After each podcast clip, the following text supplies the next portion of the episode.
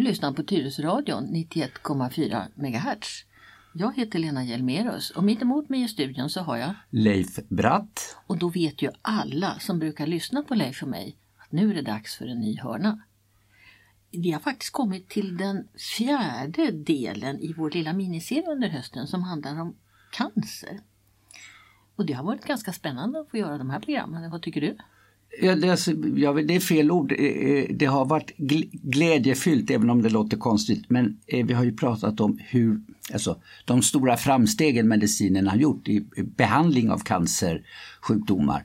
Och du sa vid något program att det inte längre är detsamma som en dödsdom utan det är snarare en kronisk sjukdom man kanske får gå med.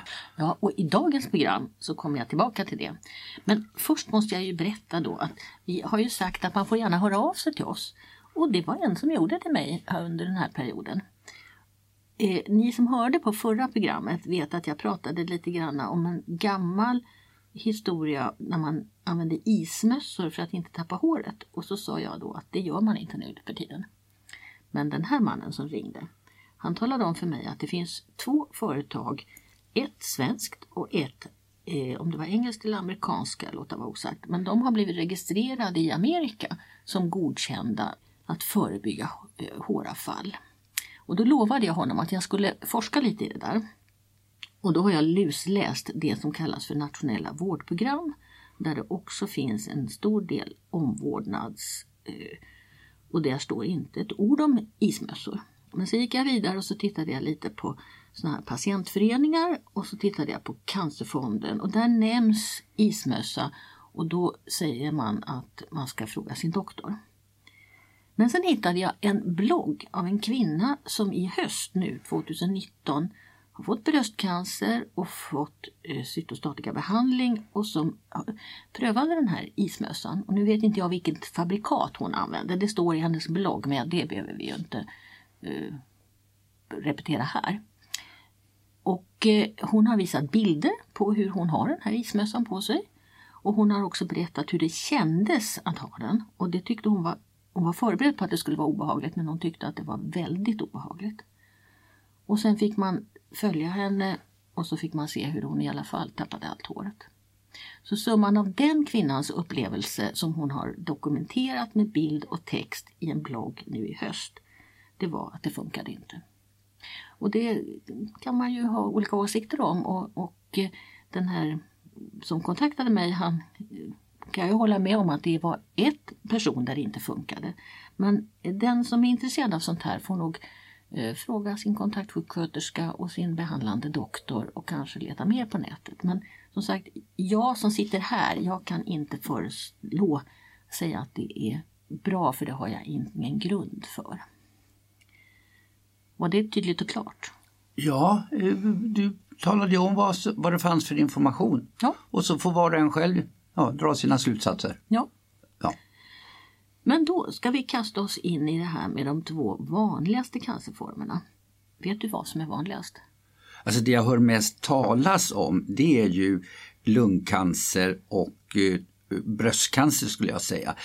Som man så, så dyker också prostatacancer upp men jag vet ju inte hur vanligt det är. Men lung och bröstcancer skulle jag gissa på.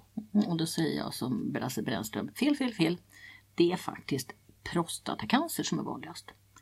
Och det är så... Fast vi är det starkare könet? Ja, fast ni har då ett, ett litet organ där som är lite sårbart. Och eh, det är så pass vanligt så att man säger att det är 10 000 personer varje år. Och det här kan man omvandla och säga att det är 27 karlar varje dag som får diagnosen. Men hur, om man jämför den siffran 10 000 om året, hur, vad är lungcancer, bröstcancer? Va? Ja, bröstcancer ligger på, det finns två siffror där som spelar eh, i, i, statistiken. Den ena är på 7 000 och den andra är på 8 000 och varför det skiljer sig vet jag inte riktigt men det kan vara att det inte är riktigt uppdaterat. 8 000 skulle jag nog säga. Och lungcancer det är bara 4 000. Bara, det räcker. Ja, men förr eh, när jag började läsa medicin då toppade ju lungcancer väldigt mycket. Ja, men om man då säger så här, eh, Ja, dels ska vi då tycker jag betona att det kanske du kommer in på just det här med att medicinen har gått framåt. Det, mm, det finns botemedel. Mm. Som jag lekman förstår eller eh, upplever det hela så pratar man om rökning, det ökar risken för lungcancer. För mycket solbadande ökar risken för bröstcancer. Nej, hudcancer. Hudcancer, förlåt. Mm. Mm, hudcancer. Finns det några livsstilsfaktorer som ökar risken för prostatacancer? Inte någon sådär som man direkt kan peka på. Sen är det klart att det här allmänna, vad vi äter och rökning, eh, det spelar ju roll för vårt immunförsvar. Och immunförsvaret i sin tur är ju viktigt då när kroppen ska eh, reparera de cellförändringar, mutationer som faktiskt hela tiden uppstår. Men det finns inget, vad jag vet, något sånt där direkt eh, som är farligt och som kan orsaka prostatacancer. Ja, det, vi får ju cancer i många olika ja. delar av kroppen. Ja. Och, och, nu när vi lever så länge så räknar man faktiskt med att var tredje människa kommer under sin livstid att få en cancerdiagnos. Men då ska man komma ihåg att de allra flesta är då över 70-75 år. Så att cancer hos yngre personer, det är fortfarande sällsynt. Och i synnerhet prostatacancer under 50 år är sällsynt. Det förekommer någon enstaka men, men du ska nog ha fyllt 50 innan det börjar bli aktuellt. Mm. Um, det här med prostata, det är, lite, det är lite för svårt att förstå var den sitter. Har du koll på var du har din prostata någonstans? Nej, alltså jag, jag har förstått, e- eftersom jag då är lite, jag är 50 plus eh, och då brukar vi skoja och säga så här att eh, förr kunde jag skriva min autograf i snön när jag mm. uträttade mitt lilla mm. behov då. Eh, det går inte längre. Mm. Det, det, det strilar inte så bra. Nej, Bläck, nej, och då har jag fattat att eh, det kan vara så att, och nu, nu kan, får du liksom förtydliga här, men alltså man har då förklarat att prostatan sitter emellan så att säga, urinblåsan och urinröret. Så det, om, om den växer och blir större så kan det alltså, tränga ihop urinröret eller urinledaren och därför kissar jag sämre mm. eller med mindre kraft. Mm. Så jag gissar ju att den sitter där någonstans eh, runt mitt könsorgan, alltså innanför där någonstans. Mm. Det, eh, först måste du skilja på urinledare och urinrör. ja. Urinledare går från njuren ner till blåsan ja. och urinrör är från blåsan och ut genom penis. Ja. Och den här körteln den är en ska vi säga, som en, en klump. Man brukar säga att den är stor som en kastanj. Och nu är det höst så alla vet hur stor en kastanj är. Och sen så sitter den som en ring runt urinröret. Så det här lilla mjuka urinröret som inte är Ja, det, det faller ihop när inte man håller på och kissar. Och det, det är väldigt mjukt. Det, då sitter den här ringen runt och den sitter precis eh, utanför kroppen. Så att den, den sitter alltså ja, som en, nästan som en, en kork, en ventil. Och, och det är ett organ som växer hela livet och det är därför som du nog inte längre kan skriva din autograf därför att i din ålder så har den blivit lite större av naturliga skäl. Men då när den växer, då ska den ju växa jämnt. Får man prostatacancer, då får man liksom kärnor eller öar i den här kastanjen som är canceromvandlade. Och det kan räcka med en ö men man kan också ha flera sådana här öar där det har blivit cancerceller. Eh, och då, det här är ju då den undersökning när doktorn ska sticka in fingret i rumpan och känna på prostatakörteln bakifrån. Eh, och när jag läste medicin då var det ganska ovanligt med att kvinnor hade börjat, eh, vi var, vi var en liten grupp kvinnor och det var alltid en diskussion det här om att stoppa in ett finger och känna någon i rumpan. Men då hade jag en lärare som sa att det är den bästa 50-årspresent man kan ge en karl. Och det brukar jag försöka tänka på när det är aktuellt. Mm. Du sa att, för det har, jag ska inte säga att jag grubblar på, men då ibland dyker tanken upp vad har prostata för funktion i min kropp? Eh, det har aldrig någon berättat för mig. Och nu ser du att det är en körtel. Och då, eh, körtlar det brukar vara någonting som utsöndrar saker och ting. Vad utsöndrar den där då? Jo, den utsöndrar det här slemmet som uppstår när man får en utlösning.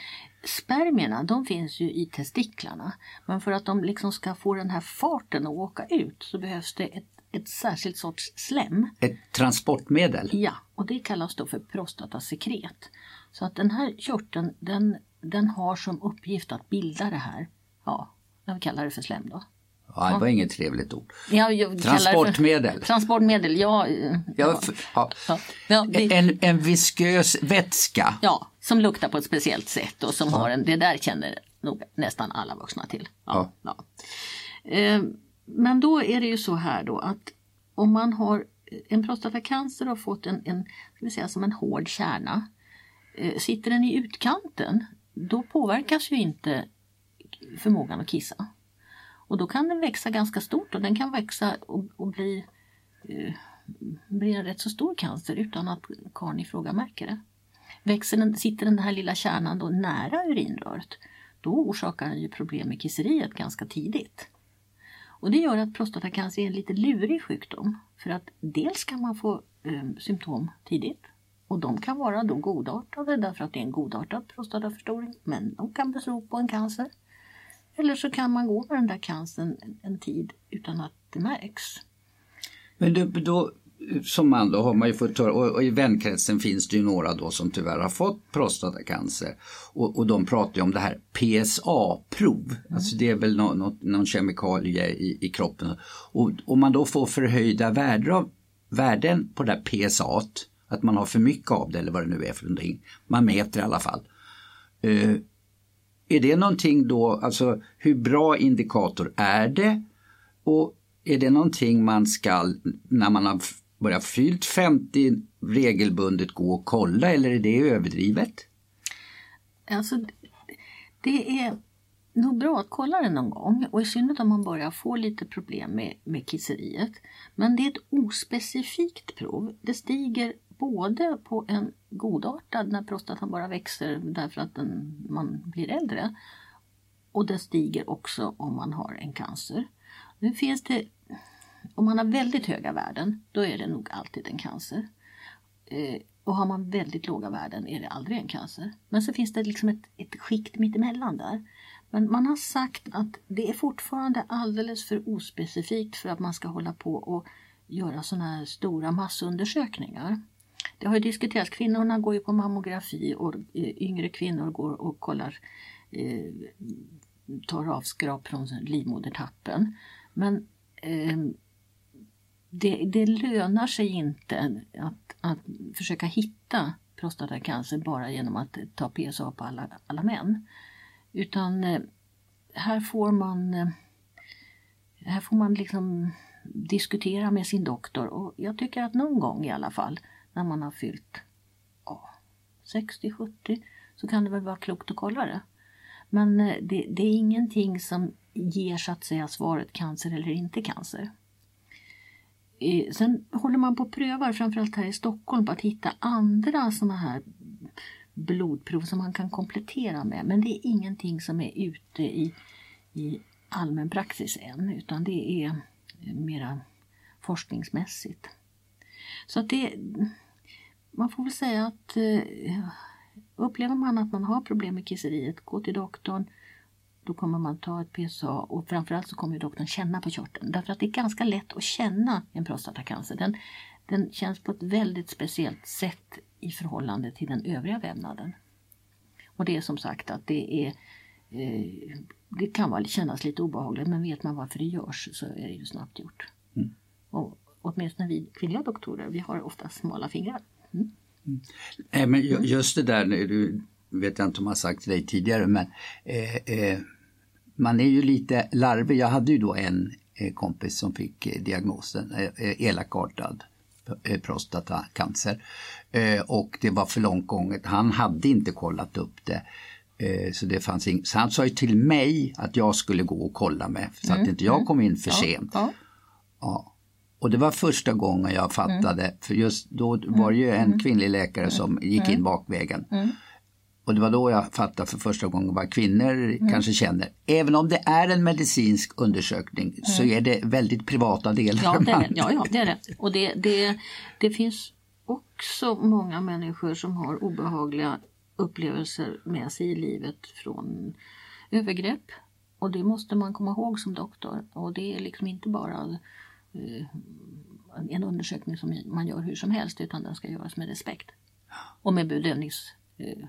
Eh, ja. Mm. ja, men då, säg nu då att man har hittat en, en, en cancer. En prostatacancer eller ja, allmänt? En prostatacancer. Ja. Och då är det så att då tas det prov. Då skickas man till en urolog. Eh, och så tas det prov, såna här som vi har pratat om, cellprov. Och så, det gör man med en liten nål. Och eh, just de här fläckarna som då, eller kärnorna. Som är, är det vi kallar biopsi? Ja. ja. Och så tittar man på de här cellerna i mikroskop. Och när det gäller eh, alla cancertumörer så försöker man att göra någon slags ska säga, farlighetsgradering. Och då har man för alla cancrar ett system där man säger hur stor är själva tumören, finns det lymfkörtlar i närheten och har det spritt sig i kroppen. Och Det kallas för TNM-system och det finns det väldigt väl specificerat för alla sorters cancer, eh, den här skalan. Men sen just när det gäller prostata, då var det en urolog på, redan på 40-talet, 30-40-talet som tittade på cancer, prostatacancerceller i mikroskop och såg att de, han, han såg speciella mönster. Och han hette Gleason. Och det där använder man fortfarande eh, så att man gör, förutom en, en klassificering på själva storlek, spridning, dottersvulster, så tittar man också på cellbilden och, och placerar in den i Gleasons eh, vad ska vi säga, karta. Och man, man tar prov, inte bara ett prov utan man tar flera stycken. Och då får man ett Glisonvärde. Och då, det ligger till grund sen för vilken behandling man blir erbjuden som patient. Och då finns det fyra olika alternativ beroende då på den här klassificeringen. När jag började läsa medicin då fanns det bara stora operationen och lilla operationen. Stora operationen då tog man bort prostatakörteln. Lilla operationen då tog man bort testiklarna. Lilla operationen gör man inte längre idag. Stora operationen kan, kan man bli erbjuden. Och, och, då är ju så att säga, då är, då är ju körteln borta. Och då är man av med problemet. Men eh, det är en stor operation och den har en, en del biverkningar. Framförallt så kan det vara så att man får svårt att hålla kisset, att man kissar på sig. Och det gör att den har nog, det har nog blivit mera ovanligt att man väljer den. Men det kan hända och det finns de som tycker att det är skönt att bli av med den där körteln för då kan, man, då kan det ju inte sprida sig om den är borta. Istället för den lilla operationen så gör man idag en hormonell behandling med hjälp av medel. Dels den gamla att man fick kvinnligt äh, könshormon. Det är också någonting som nästan är borta. För det har också en massa biverkningar för en karl. Och sen finns det en, ett sätt där man liksom får en kemisk kastrering. Den, den här prostatacancern den är alltså beroende av eh, testosteron för att liksom leva och sprida sig.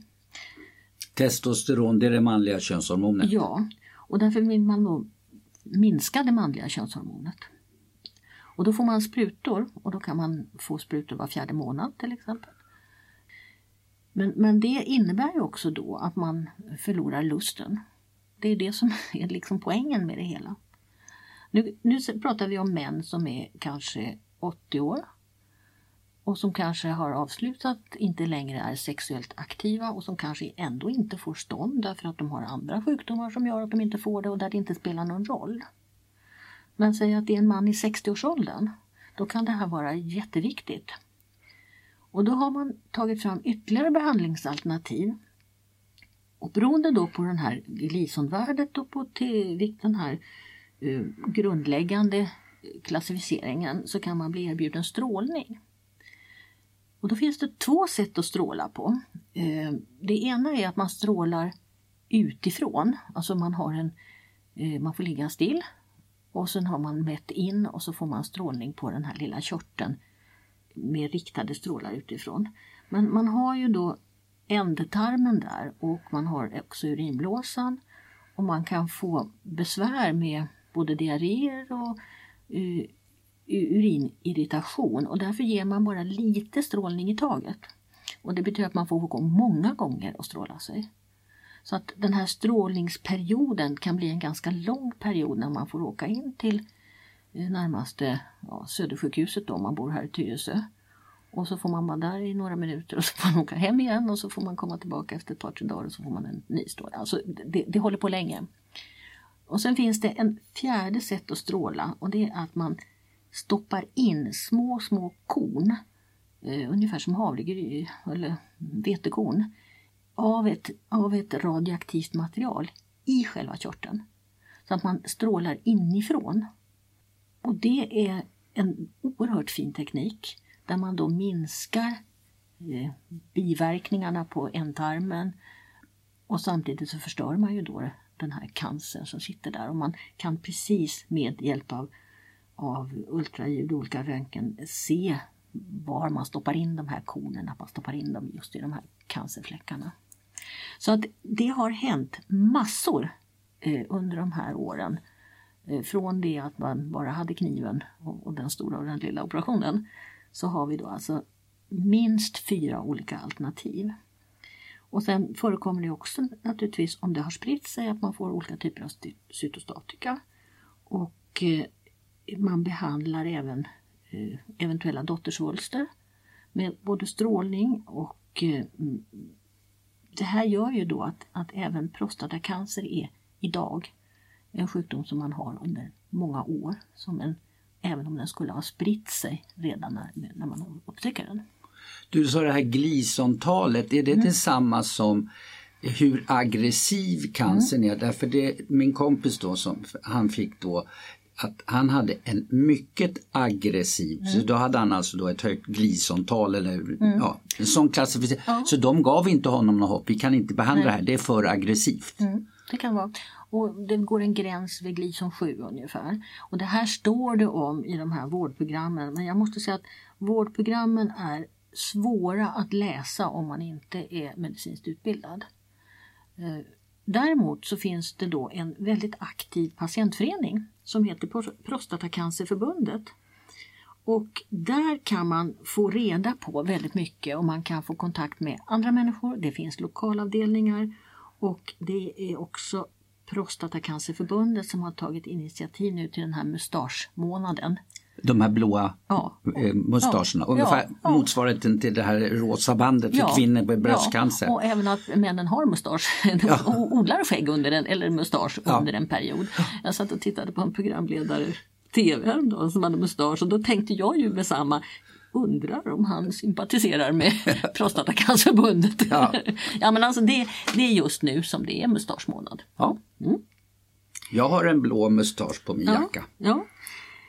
Ska vi lämna prostatan och gå över till brösten istället? Ja, eh, men ja, jag, jag, jag gläds åt att du tar upp alla de här botemedlen. Ja. För det är väl det som lite är vårt syfte. Ja, att... och det, är alltså, det kan ju vara lite svårt att vara med, känna att man är med och bestämmer. Men man, man diskuterar ju med sin eh, urolog och man får då mm, förklaringar till varför han rekommenderar då kanske en metod framför en annan metod. Då lämnar vi det och mm. går över till kvinnorna. Ja, och bröstcancer, där eh, det, har man ju, det är ju en av de äldsta cancerformerna som man har känt till.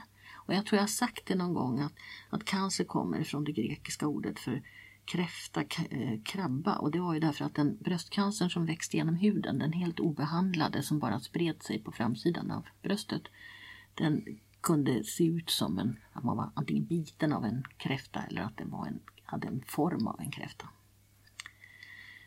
Får jag bara fråga dig då så här. Eh, vi ser bröstcancer och jag gjorde ju själv den eh, alltså kopplingen. Det är en kvinnocancer. Men män har ju också bröst ja. även om de är lite ja, ja. mindre. Men har, finns det manligt bröstcancer också? Ja det gör det. Oj, och, aldrig hört talas om. Nej, det är ganska sällsynt. Eh, men det förekommer.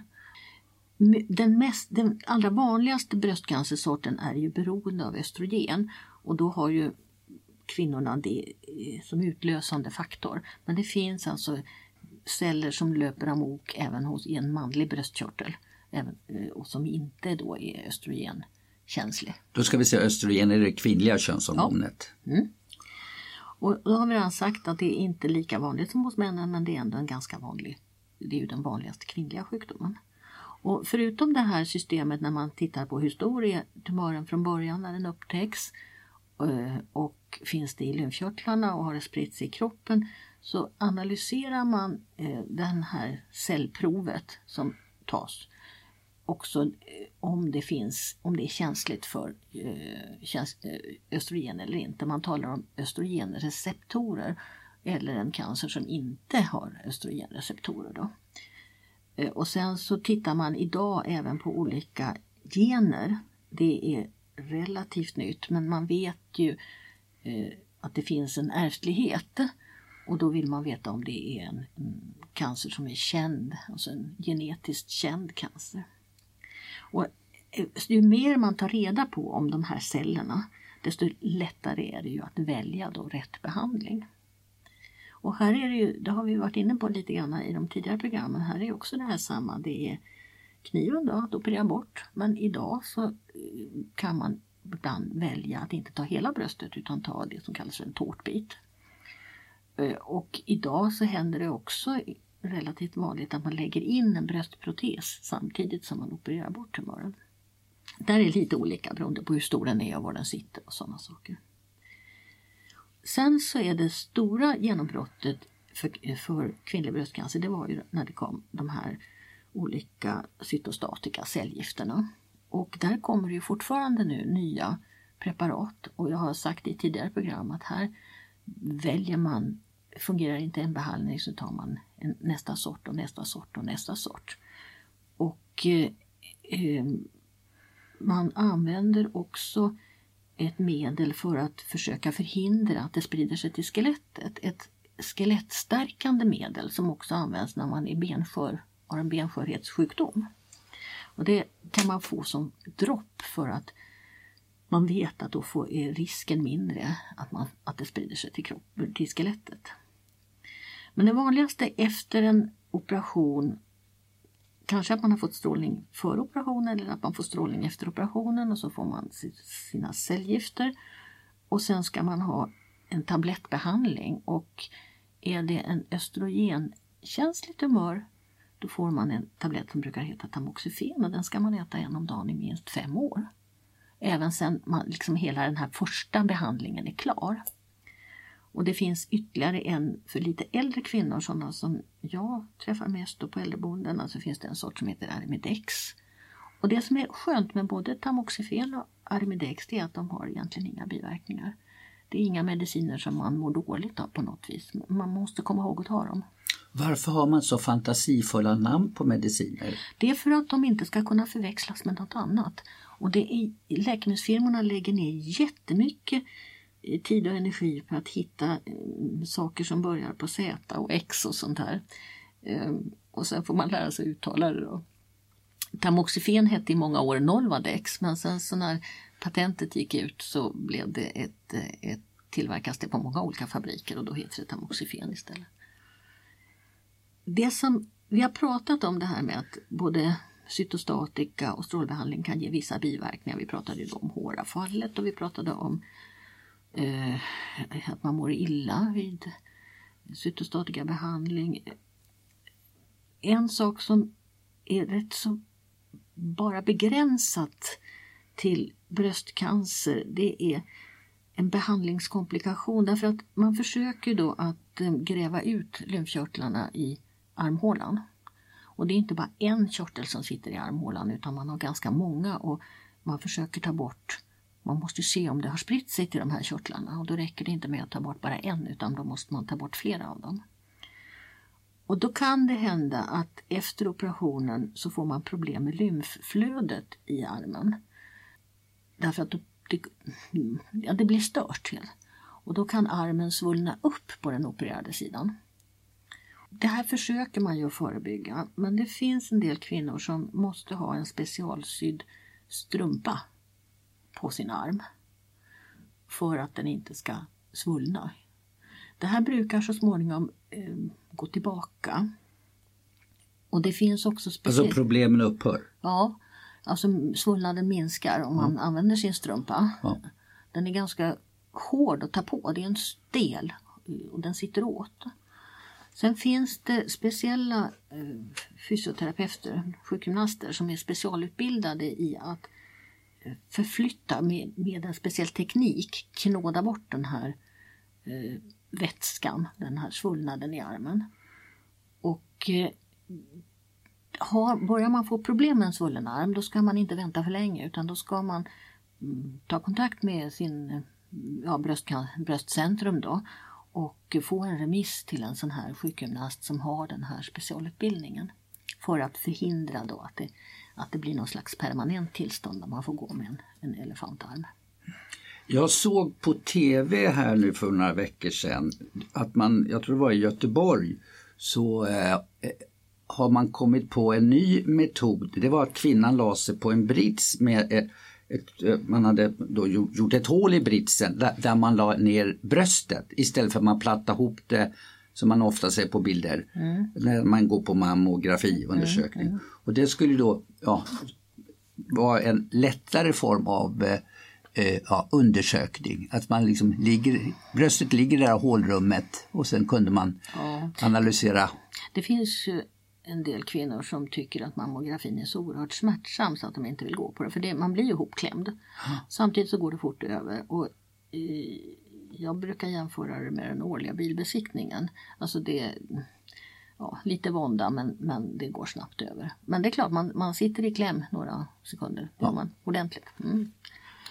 Uh, och, och, mammografi ska man gå på och där blir man ju kallad eh, ända upp till 74 års ålder sen efter 74 års ålder så, så uh, får man själv känna. Och de allra flesta bröstcancerpatienter de hittar sina tumörer själva om de bara känner på brösten regelbundet. Förra gången tror jag jag sa att det var 80 procent 10 års överlevnad men nu när jag satt och läste på här så hittade jag faktiskt att eh, Bröstcancerförbundet säger att det är 85 procents 10 års överlevnad nu. Och det är ju alldeles fantastiska siffror. Det, finns det också, du sa när det gäller prostatacancer att det är sällsynt före 50-årsåldern. Är det med bröstcancer också så att, eh, eller kommer det i alla åldrar? Det kommer i alla åldrar och det är ju det som är så tragiskt när det drabbar kanske en 35-40-årig småbarnsmamma. Ehm, min egen mamma var 34 tror jag när hon fick sin första bröstcancer. Jag tillhör en sån här släkt som har en viss eh, ärftlighet. Eh, och det, det är eh, svårt, mycket, mycket svårt när det handlar om unga kvinnor. Och, och, nu har vi ju faktiskt då Sara Danius rätt så färskt minne allihopa. Nu var ju Sara lite äldre men det finns alltså 40-50-åriga kvinnor som och, och där är det där är det ofta lite aggressivare tumörer också. Tyvärr. Mm. Nu redan, jag sa att det fanns en bra patientförening för de som har prostatacancer.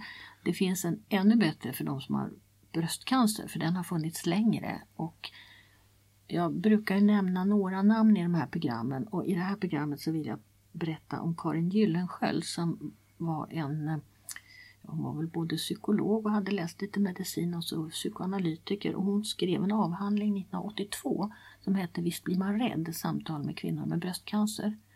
Och sen blev Karin sekreterare för den stora utredningen på 70-talet och 70-80-talet eh, som la grunden för hela den palliativa vården. Och eh, Karin är avliden nu men hennes livsverk lever ju fortfarande i hög grad. Och, och cancer, Bröstcancerförbundet kom till då 1982 när, när hela det här eh, hon fäste fokus på det här. Hur, hur var det att få bröstcancer?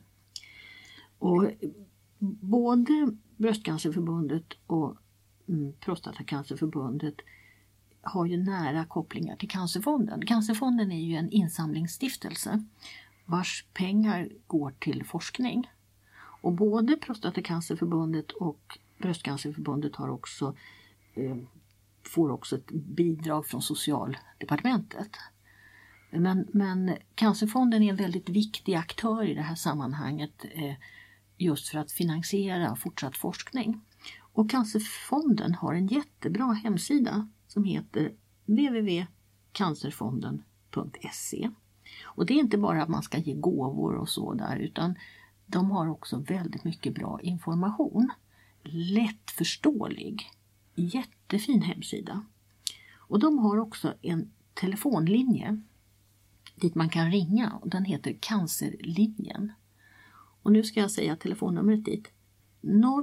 020 59 59 59 020 59 59 59 och på cancerlinjen så kan man då få ställa frågor. Men man kan inte fråga om medicinska saker utan det, det är mera allmänna frågor. Men framförallt kan man få prata med någon. Och eh, det ringer alltså ganska mycket människor till cancerlinjen. Sen kan man ju också eh, leta information på 1177 och även på 1177 kan man ställa frågor. Och sen ska man ju då ha den här berömda kontaktsjuksköterskan som också ska kunna förmedla. Men man kan väl också säga så här lite, ja, ja, eh, ja inte helt fakta och sådär men lite grann.